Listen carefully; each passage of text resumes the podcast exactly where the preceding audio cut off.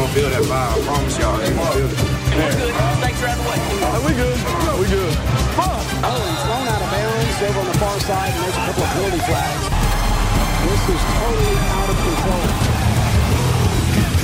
Då, mina damer, mina herrar och inte cowboys and cowgirls. De är ju utslagna nu, sallad. Men det, det kommer vi in på i avsnittet. Säger vi i alla fall varmt välkomna till denna succépodd som heter vadå? NFL med Gnistan. Och undertecknad sheriffen Gnistan Olsson. Jag börjar med att säga Oj. grattis, inte på födelsedagen, men att Green Bay Packers slog ut nämnda sallad cowgirls. Ja, men eh, detta Green Bay Packers-lag alltså yngsta laget i historien som har vunnit en slutspelsmatch. Inte bara tagit sig dit, utan har vunnit en match också. Det är, ja, men det är stort och på sättet de gjorde det också. Alltså jag älskar att Dallas är så jävla dåliga i slutspelet, för, för det är ju det enda som egentligen gav oss hopp, att vi just mötte eh, Dallas. Hade vi mött Eagles också, då hade vi nog sopat mattan med dem. Eh, men det kommer vi prata lite mer om sen. Men fy fan vad fint att Packers är med. Och fy fan vad Ja. fint också att Jordan Love är våran franchise quarterback. Det har man ju typ cementerat just nu. Och vad fint att jag slipper döpa om min hund till Gösta Glarén som vi var inne på förra veckan. Om det skulle bli Dolphins Packers i, i Super Bowl. Ja, Men du, vi nej, gör så här tycker jag. Nu, ska vi ju, nu är det två nya lag som, som kommer in i slutspelet Mm. som har haft bye week. Det är ju Baltimore Ravens och det är San Francisco 49ers. Stämmer. Jag tycker att vi, vi gör så här, vi tar allt i kronologisk ordning, alla de här Mm. matcherna. Och när vi väl pratar om de här matcherna så kommer vi ju spilla över på förra veckan då, hur Green Bay exempelvis manövrerade ut Dallas, hur Houston besegrade Cleveland Browns och så vidare. Precis. Det känns ju som Eh. rimligast. Så, så första matchen som vi har att prata om är lördagsmatchen.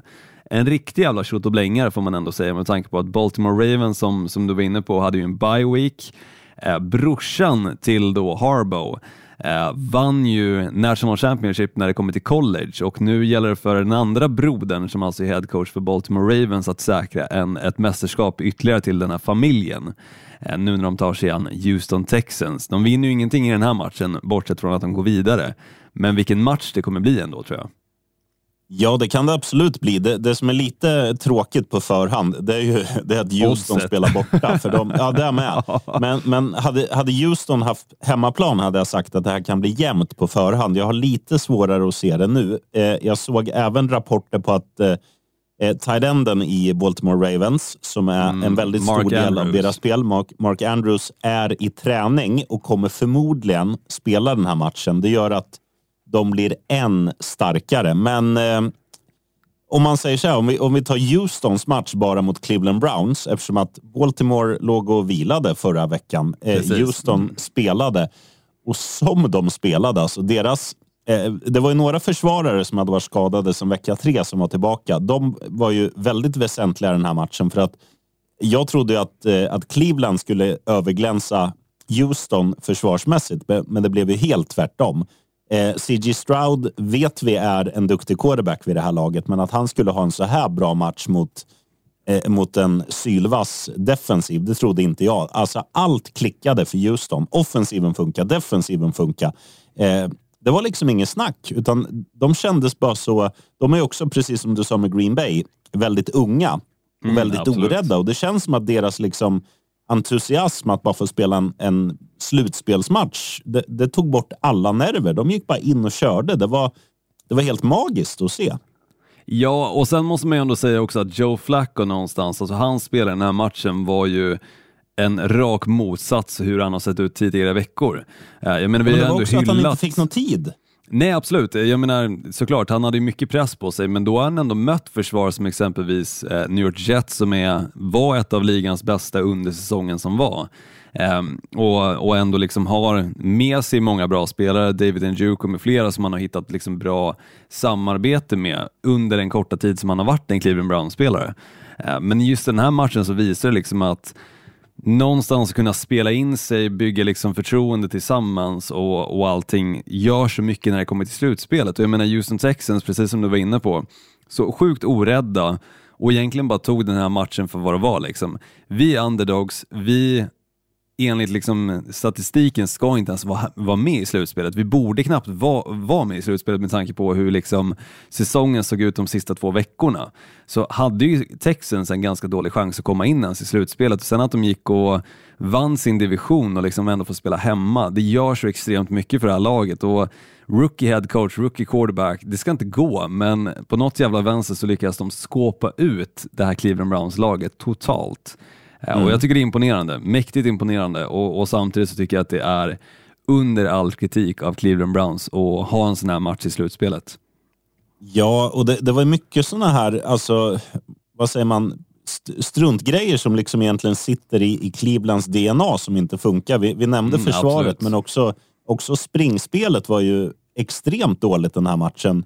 Eh, alltså Ford var eh, jätteblek och eh, eh, vad heter vår andra kompis? Hunt var ju, var ju även han skitdålig. Det var, det var liksom ingenting i offensiv väg funkade. Och, och när det har varit så under säsongen tidigare så har ju ändå försvaret kunnat gjort att, att de spelar jämnt med motståndarna och ibland till och med vunnit matcher genom att eh, ta någon pick six eller sådär. Men, men nu var det mm. liksom mm.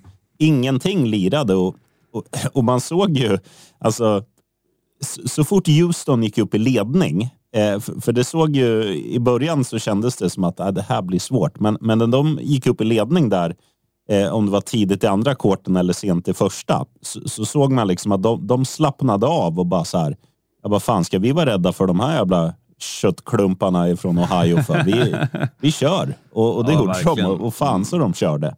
Det var ingen alltså, snack. Nej, men det var ingen snack och jag, jag tror dock, hade Cleveland fått spela hemma i Ohio, kallt klimat, så hade det nog varit en liten annan match än, än vad vi fick se nu. Vilket tar oss in på matchen som faktiskt är nu på lördag klockan 22.30. Mm. Baltimore, Baltimore Ravens, Houston Texans. Det kommer vara kallt, det kommer vara jävligt, det kommer inte alls vara de förhållandena som de har i sin fina lilla inomhusarena i Texas. Eh, utan istället så kommer det bli en match där Baltimore Ravens kommer ha den edgen, dels av att de har vilat en vecka, kunnat återhämta några spelare, exempelvis Mark Andrews som du pratade om, eh, men också det faktum att eh, just alltså, klimatet kommer göra extremt stor skillnad. Jag menar CJ Stroud, precis som exempelvis Tua, ehm, det, det är en annan situation liksom att spela i sådana eh, typer av matcher och framförallt liksom smällarna gör bra mycket ondare.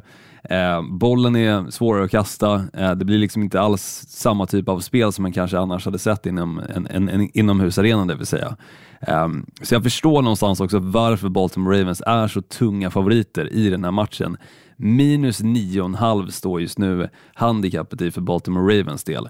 Och jag menar, Lamar Jackson med flera i det här laget har ju under säsongen ändå briljerat trots en det att de inte har riktigt den där nummer ett wide receiver, de har inte riktigt den running backen som man kanske använder som en workhorse som precis som Green Bay Packers gör med Aaron Jones, utan istället så är det liksom ett Baltimore Ravens som har hittat rätt man i, i rätt match och den personen har liksom levererat där och då.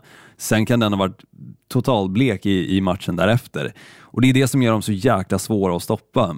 Houston Texans har haft lite samma framgångsrecept. Vissa matcher har varit Nico Collins, andra har varit eh, Brown eller Eh, med flera och, och, han som gick ner sig också under um, en av mm. matcherna under säsongen. Tank. Eh, Tank Dell. Precis. Um, de har ju haft samma framgångsrecept egentligen, men skillnaden här är ju att Baltimore Ravens som sagt spelar hemma. Det är ett bättre lag rakt igenom också, men man ska absolut inte räkna bort Texans tycker jag. Plus 9,5 tycker jag ändå känns ganska bra för ett Houston Texans-lag som, som kommer in extremt hungriga och framförallt så vet de också att pressen ligger på Baltimore Ravens och inte på dem. Ja, ehm, alltså kommer de in rätt i matchen Houston, att de, de får göra poäng tidigt, eller i alla, fall, i alla fall göra några stora offensiva spel så att man, man liksom känner att ja, vad fan, vi kan ska, skaka det här Ravens. Då mm. tror jag mm. absolut att de, de har en möjlighet. Men blir det att, att Ravens kommer ut så, så ramstarka som de kan vara i sina bästa stunder, då, då kan det sluta 41-3 här. Ja, det kan det verkligen. Jag menar, de körde över 49ers, de har, de har kört över många lag den här säsongen och många bra lag också. Alltså jag menar, det är inget lag, tyvärr Sheriff, jag måste ändå säga det, som exempelvis Miami Dolphins eller mm. Dallas Cowboys som bara har förlorat mot bra lag. Utan det här Baltimore Ravens har ju liksom visat sig både mot de svaga och de starka. Eh, och i det här Ja, fallet så är det ju absolut. ett starkt Houston Texans, men de kan absolut, Baltimore Ravens, eh, det vill säga, stänga ute dem helt och hållet ur den här matchen. Ja, och de, de har ju en formkurva som, är, som pekar spikrakt uppåt också. De, de, har, har ju, de har blivit bättre och bättre ju längre säsongen har gått. Så att där är det också en grej som, som verkligen talar för. Och sen, sen är det ju så att Houston Texans, nu när Tank Dell inte är med, så är de ju ganska enformiga i passningsspelet. Att man, man söker Collins nio gånger av tio. Nu, nu kan han absolut eh, stå för några fina fångster och, och liksom stora yards. Men, men jag tror i, i grunden så kommer Baltimores bredd bli avgörande, även om den här hade spelats på neutral plan. Nu har de hemmafördel, de har fansen, de har klimatet, de har egentligen allt talar för Ravens. Så att det vore ju dumt att säga något annat. Jag tror att Ravens går vidare. Ja, men jag tror också att de gör det. Alltså, jag, jag kommer inte tro att det här är skrällmatchen. Vi kommer säkert få se en skräll under den här omgången. Det gör man som oftast när det kommer till slutspelet. Men det kommer inte vara Houston Texans som skräller mot Baltimore Ravens. Kan det vara Green Bay Packers då, som är nästa som ska ut och dansa mot, eh, på bortaplan då, mot de andra som vilade förra veckan, San Francisco 49ers? Ja, nej, men vi kan väl prata lite mer om hur Green Bay tog sig dit. Alltså jag menar, inledningsvis på matchen mot Dallas Cowboys så, så valde de att ta bollen, vilket är ändå skulle jag säga ganska ovanligt, för man väljer oftast att börja andra eh, halvlek med bollen för att man Ja. hoppas på att kunna sluta första halvlek då med, med bra possession och poäng i, eh, och, och sen också kunna inleda på samma spår när man väl startar. Alternativt bara köra en eh, total reboot när det kommer till spelet. Men Packers gjorde ju rätt val där, för, för de kom in, eh, tog bollen och gjorde poäng nästintill direkt. Och det satte Dallas Cowboys i en konstig situation, för de hade dels inte legat under riktigt när det kom till första kvarten. De, de var på hemmaplan, de visste att all press låg på dem. Det här Green Bay Packers-laget har dock, som jag var inne på, kommit dit nu tio gånger innan den här matchen och förlorat endast en gång eller mötts tio gånger och förlorat endast en gång och dessutom obesegrade på A&T Stadium eh, i då Dallas. Men då vad Dallas gör är ju att ge tillbaka bollen till, till Green Bay Packers och, och till slut med ytterligare poäng och sen skickar du ett sms till mig eller ett meddelande liksom, gör Packers poäng ytterligare en gång nu, då, då går jag och lägger mig för då, då är Jag liksom skrev, klappat jag och skrev klart. o, ordagrant så här Olsson. Ja, när, när Green Bay gör 21-0, då går Larsson och Dunar. Då stod det 14-0. Jag tror det tog missar tio ju- sekunder efter det så, så blev det Sen- 21-0. Sen missade ju din, din polare Karlsson det extra poängen, men annars var han ju ganska... Han var bättre än vanligt just den här det, matchen. Men, men, Han behövde eh, inte göra så mycket. Det, det övriga anfallet gjorde merparten av allting som behövdes. Sen var det lite svajigt där i slutet på matchen där man kände liksom att Dallas Cowboys ändå hade en chans att komma tillbaka. Green Bay tog ut sina starters men plockade in dem tillbaka in i matchen för att de kände någonstans att nej, det här, det här kan dra iväg. Liksom. Dallas, vi kan inte ge dem möjligheten att, att vända den här matchen för det hade varit ja, men egentligen ännu större skräll än att Green Bay kom dit och spöade Dallas på, på det sättet som de gjorde. Ehm, så, så de säkrade liksom matchen med sina starters på planen och eh, 48-32 som resultat. Det är fantastiskt att se. och det Eh, var ju... nu- Dallas, Dallas skulle inte ha gjort så många poäng som de faktiskt gjorde. Det, var, det gjorde de ju på ren frustration där i slutet och, och Green Bay visste ju redan att det här är vunnet. Så att, Ja, Eh. Green Bay hade som sagt eh, backup-spelare inne i två av de sista touchdownen som, som då Dallas gjorde. Eh, och, och en av dem så, så kändes det som att startersarna i stort sett hade liksom ja, men börjat fokusera lite på vad som komma skall den här helgen istället, nämligen San Francisco 49ers. För Green Bay, med tanke på att de var sjunde sidare och 49ers då första sidor så visste ju båda två att det här, det här är det möte som kommer ske. Eh, men när headcoachen Cal Shanahan är för San Francisco 49ers börjar ju preppa Green Bay Packers redan i mitten på andra korten. Um, ehm, och, och kände någonstans där och då liksom att jo, det här kommer bli en, en match där vi kommer få möta Green Bay återigen. Och Green Bay och San Francisco har ju mötts flest gånger av alla lag i slutspelet.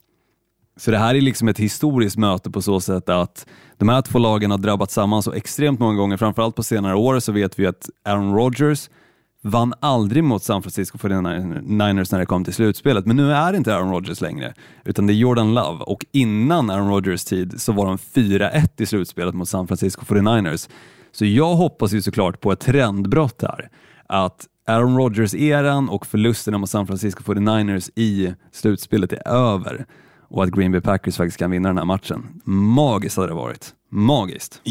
Jag tycker det är lite, li, lite för stor eh, favorit, för stort favoritskap på, på 49ers att, att oddset bara ligger på 1,22. Det, det tycker jag.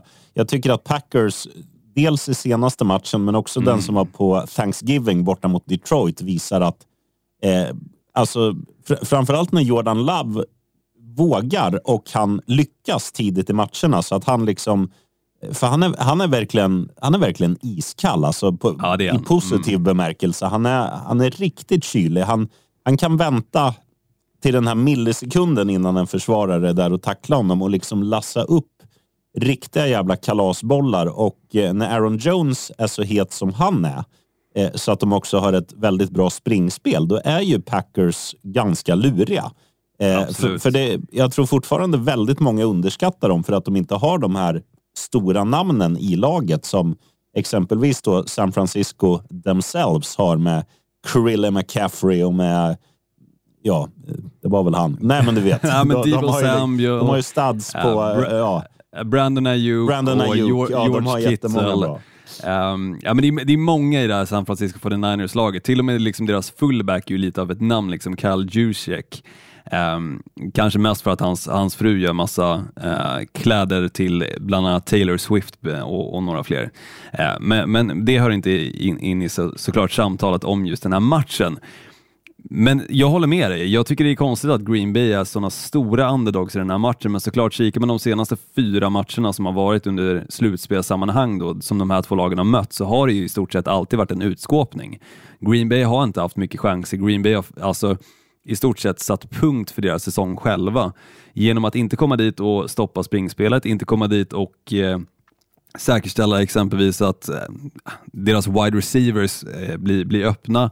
Aaron Rodgers passar massa interceptions. Eh, det har liksom inte hållit och, och deras kickers har liksom total eh, plumpat. Liksom. Och framförallt Panther i, i då en match eh, på Lambeau Field ganska nyligen.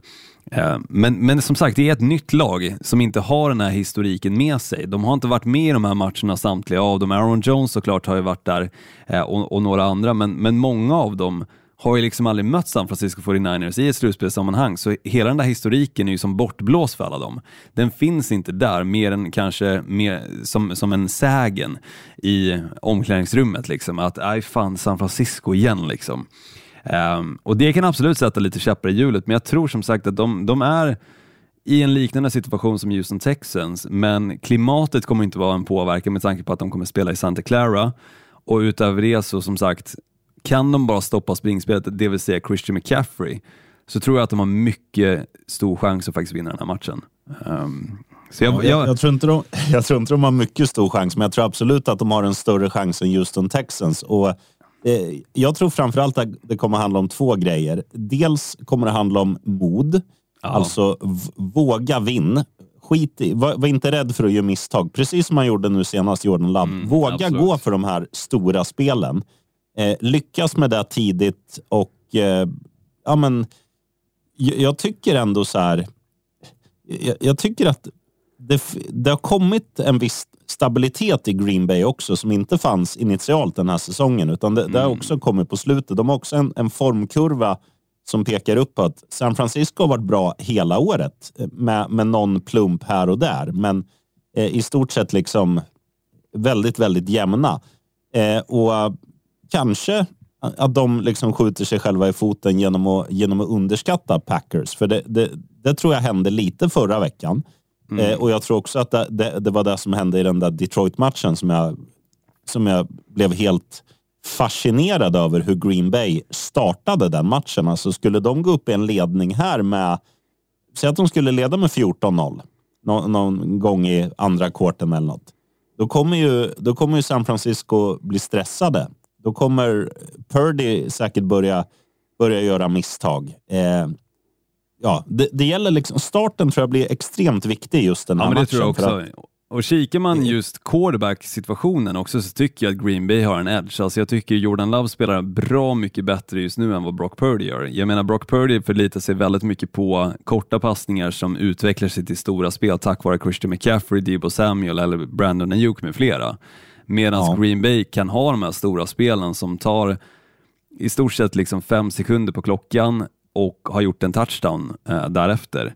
Ehm, nej, det, det finns en chans, men fan, jag, jag hoppas att kunden till mig, en av kunderna som jag var och träffade där vid Thanksgiving, inte har rätt. För han skrev att fan om vi ska vinna den här matchen mot Dallas bara för att förlora mot San Francisco i vanlig bemärkelse. Det hade varit snörpligt, men såklart, oddsen talar för, för att det ska ske. Jag får väl ändå vara ärlig och säga att jag tror att San Francisco kommer ta oss ändå. Ja, det, det tror jag också. Det, det, de, har, de har lite för många offensiva pusselbitar som är, som är ruggigt jävla bra. Men, Ja, men eh, de har det. men jag håller också med dig eh, med alltså, skillnaden mellan Love och Purdy. Att Love gör ju större och mer spektakulära spel. Men det är också för att han inte har samma lekkamrater. Så att, eh, ja. och, och det är ju det är ju en lagsport och det känns ju som att Sam Fran är lite bredare på alla positioner, även om jag hoppas Eh, lite för din skull, men också för, för sportens skull. Alltså man, man blir ju gladare när Leicester vinner Premier League än när Manchester City vinner. Ja, så- och så just nu är vi lite ju- Leicester, det gillar jag. Jag gillar den Så situationen. Mm. jag sitter och håller en liten tumme för Green Bay Mother Pack- Packers, men jag tror ju att eh, 49ers går segrande. Men jag tror inte att det kommer bli en utskåpning, utan jag tror att det kommer bli ganska tajt. Kanske vinner med 20, ja vad kan de vinna med? Ska vi säga 27-20? Ja, om, om jag ska helt se i kristallkulan så tror jag att Green Bay kommer ta ledningen och, och eventuellt leda med kanske 14-10 eh, i andra korten, slutet på andra korten, men sen kommer San Francisco inleda andra korten väldigt starkt och komma tillbaka där Green Bay kommer sitta i en situation av att istället ligga under. Eh, och där tror jag inte de kommer ta sig eh, förbi den situationen utan istället att San Francisco 49ers vinner. Mm.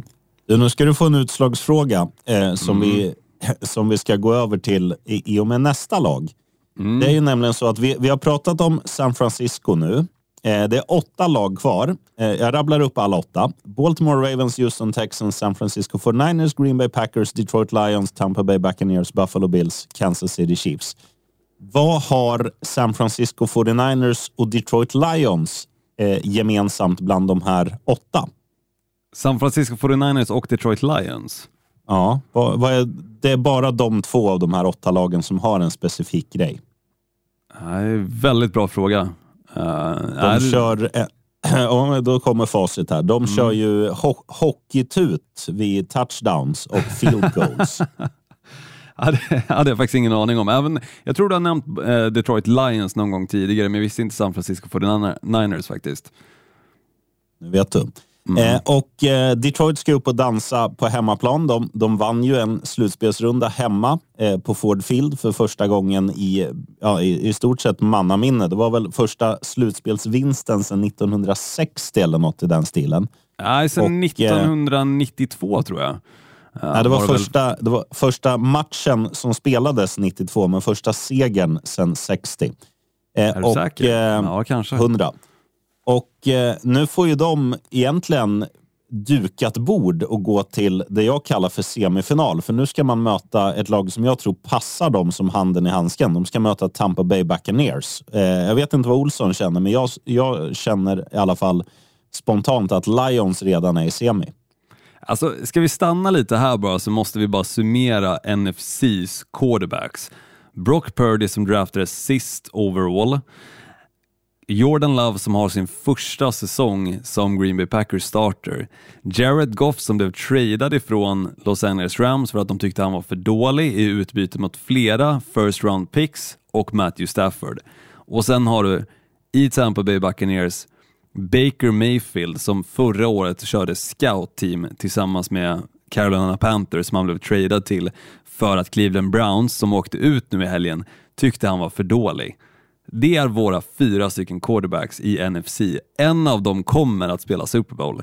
Jag tycker det är kul alltså. det känns som underdogs rakt igenom i stort sett om man kikar på deras historik åtminstone.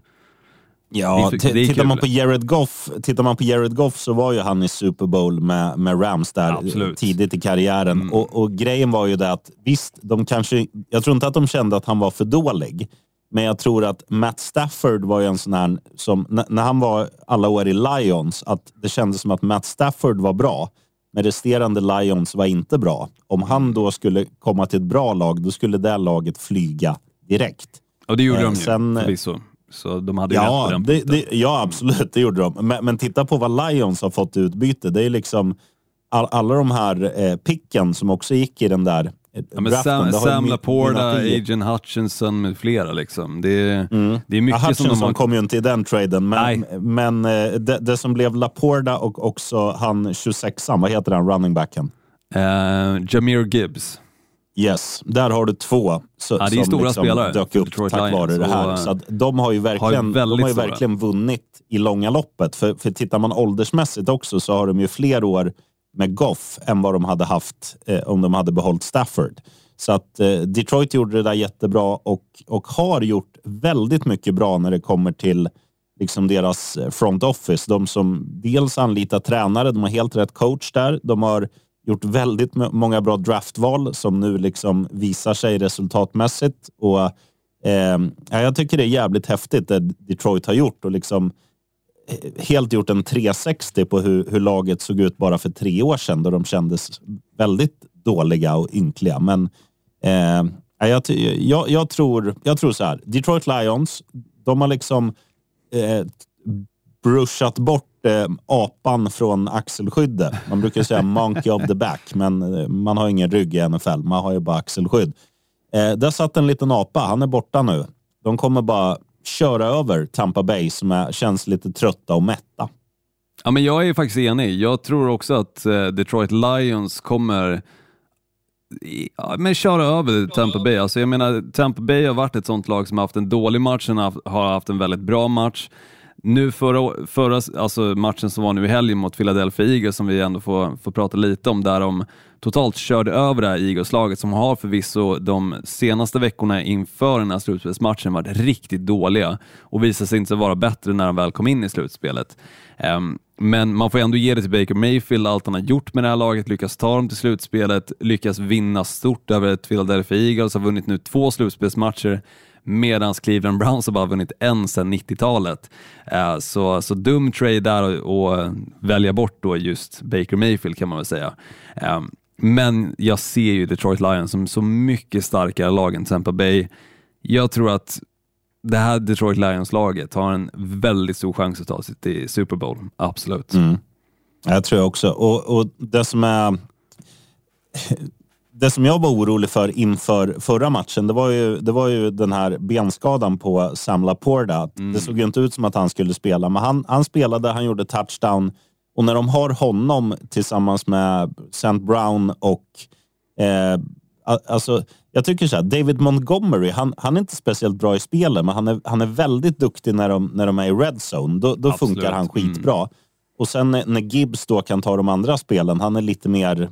Han kan ta lite större yards eh, längre ner på plan. De har en jävligt skön offensiv bredd. De har ett försvar som funkar. Och eh, som jag sa, nu, nu när man liksom har fått bort det här, den här förlorarstämpeln. Ni har inte vunnit en slutspelsmatch sedan 1960. ja, men eh, det, det är en ganska skön känsla att gå in, gå in i en, i, och liksom spela hemma igen. För nu finns det inte det här hemmaspöket. Det, allt talar för Lions. Visst, det finns en större rutin i Tampa Bay, men det känns som att majoriteten av de där gubbarna är trötta, som jag var inne på. Det, nej, jag, wow, eh, Lions vinner. Ja, men jag tror också Lions vinner, men men en, en, en liten liksom orosgrej som jag bara måste lyfta är ju liksom att Detroit Lions nu har tydligen de dyraste divisional round-biljetterna någonsin, vilket betyder ju såklart att hypen är enorm när det kommer till Detroit som stad, att deras Lions äntligen är med i slutspelet, har vunnit en slutspelsmatch.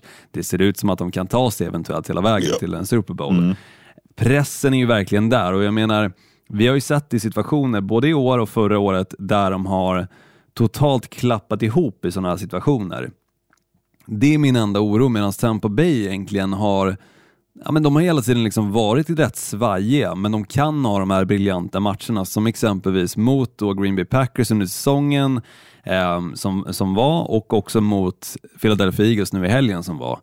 Eh, så ehm, det är väl mitt enda, enda orosmoln just att fan, fan om inte Detroit liksom kommer till spel i den här matchen så som de gjorde mot exempelvis Los Angeles Rams, så som de har gjort under de här stora matcherna under säsongen, utan att Tampa Bay släpps in i matchen.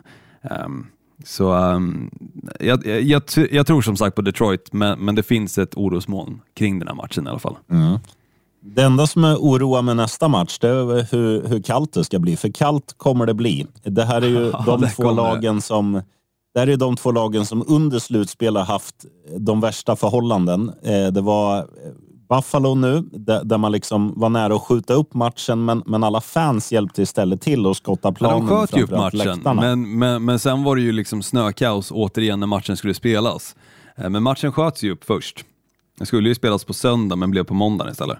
Just det, så var det. Men, men de hjälpte till fansen där och, och göra så att läktarna gick att sitta på, inte bara åka kälke. Liksom. Och sen, eh, de, ska ju, de ska ju spela hemma igen, vilket innebär mm. kallt och snö. Och Det hade det också även gjort om de hade spelat i Kansas City, för det är ju Chiefs som står för motståndet. Och det var ju 19 minusgrader på, på den svenska termometern när Kansas City och eh, Miami Dolphins drabbade samman.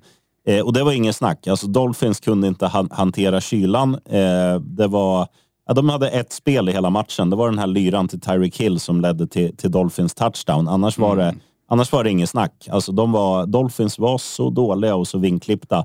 Eh, visst, fem ordinarie spelare borta, men man ska inte vara så blek i en slutspelsmatch. Så att, ja, men det är eh, de där väderförhållandena, alltså det, det är brutalt. Alltså jag menar, Gå ut när det är 19 grader och bara skrapa bilen och sen ska du föreställa dig att du ska springa på en plan och fånga bollar. Du är inte ens van vid det klimatet utan säg att du bor liksom i, i, i Spanien 90% av året och så ska du liksom ta dig hem och, och någon ber dig liksom springa bort till ICA. Du, du kommer ju liksom ramla, det kommer se förjävligt ut och, och du kommer knappt liksom komma hem eh, med, med livet i behåll. Liksom. Det, det är liksom på den nivån. Eh, så jag fattar att, alltså tyvärr att Dolphins blev överkörda i den här matchen för att som sagt väderförhållandena var ju bara i Chiefs fördel. De är ändå vana att spela slutspelsmatcher i sådana här förhållanden. De är vana um, att det är ja, men tufft, kallt, jävligt. Dolphins är absolut inte det. Um, inte spelat egentligen en enda sån match i år.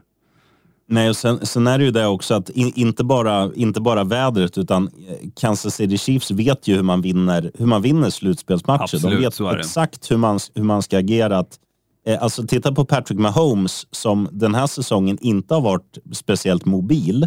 Men eh, så fort han fick liksom, okej, okay, nu tar de Travis Kelce med tre man och eh, Pacheco behöver andas. Ja, vad fan, jag får springa med den. Och, och han gör ju Alltså han, han läser ju matchen helt rätt varenda spel. Alltså han gör knappt ett misstag. Nej, och misstagen är som är, det, det, är ju när han passar till Kelsey några gånger när bollen är för kall för att han lyckas, han lyckas tappa den. Annars gör ju de en, alltså, en fem plus insats. De, de tillåter inte Miami att använda sina styrkor någon gång. Eh, oavsett väder, vind. Det var alltså valrossen som också hade is i mustaschen här, Andy Reid. Han, han hade ju kommit upp med en gameplan som var genial. Eh, Absolut. Så det, det, är bara att lyfta på cowboyhatten. Ja men så är det och kikar man på Bills så alltså, jag menar dels Mason Rudolph som quarterback, TJ Watt borta, det var inget snack om saken, Bills skulle vinna den här matchen. Eh, och, och de gjorde det väldigt betryggande också, 31-17. Att de ens släppte in 17 poäng tycker jag väl är, är det enda man kan höja på ögonbrynet för. Eh, för de kanske borde släppt in aningen mindre än det, men, men som sagt Buffalo Bills tokgivna att vinna och mm, nu är det liksom det där mötet igen som både Patrick Mahomes och Josh Allen har liksom ställt sig in på förmodligen så fort säsongen börjar. Att någon gång under slutspelet så kommer Buffalo Bills och Kansas City Chiefs att sammandrabbas. Och, och, när det sker så måste de vara redo för, för just det mötet. Och man älskar de här två nu som ändå är alltså NFLs någonstans eh, ansikten utåt. Mm. De, de två liksom som, som hela tiden håsas upp. Jag menar, kommentatorerna är ju liksom så jäkla begeistrade över de här två quarterbacksen så att det nästan blir frustrerande att lyssna på dem. Och nu möts de och det kommer bli extremt underhållande att kolla på.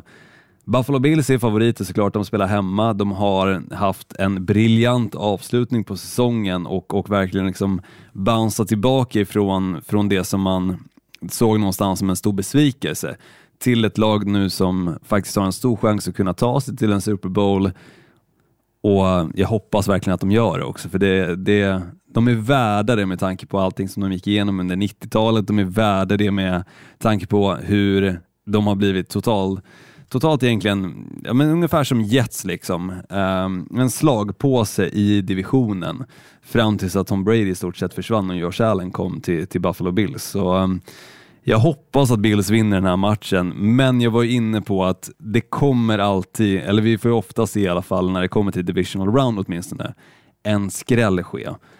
Och här tror jag att skrällen kan ske för att Kansas City Chiefs är snäppet vassare när det kommer till slutspel. Precis som du var inne på, Andy Reid är så otroligt bra på att coacha det här laget och säkerställa så att de gör exakt rätt grejer. Patrick Mahomes knappt några misstag och jag tror att Kansas City Chiefs har en stor chans. Ja, jag är helt enig. Alltså, det som är Buffalos... Det, det som gäller för Buffalo, det, det är verkligen att alltså, pumpa på. Eh, låter ju, ja, men det låter ju så jävligt, men, men, jag tror så här. Buffalo har en potential att göra mycket mm. poäng. Absolut. Eh, det, det, är svårt i, i det här vädret att kanske lassa upp liksom 40 på, på tavlan, men jag tror det är deras chans att liksom gå på knock. Alltså, är du på, på fjärde och två, gå för det. Gå alltid för att göra poäng. För att det tror jag deras, det tror jag deras liksom enda räddning är att göra mycket poäng. För att kommer det ner till en sån här jämn match, då är liksom Patrick Mahomes den quarterbacken du vill ha. För att han är så extremt duktig på att läsa spelet. Han har, han, han har, ja, de har väl lika många offensiva vapen egentligen. Alltså om man tittar på Knox och, och Diggs framförallt i, i Bills är jättebra.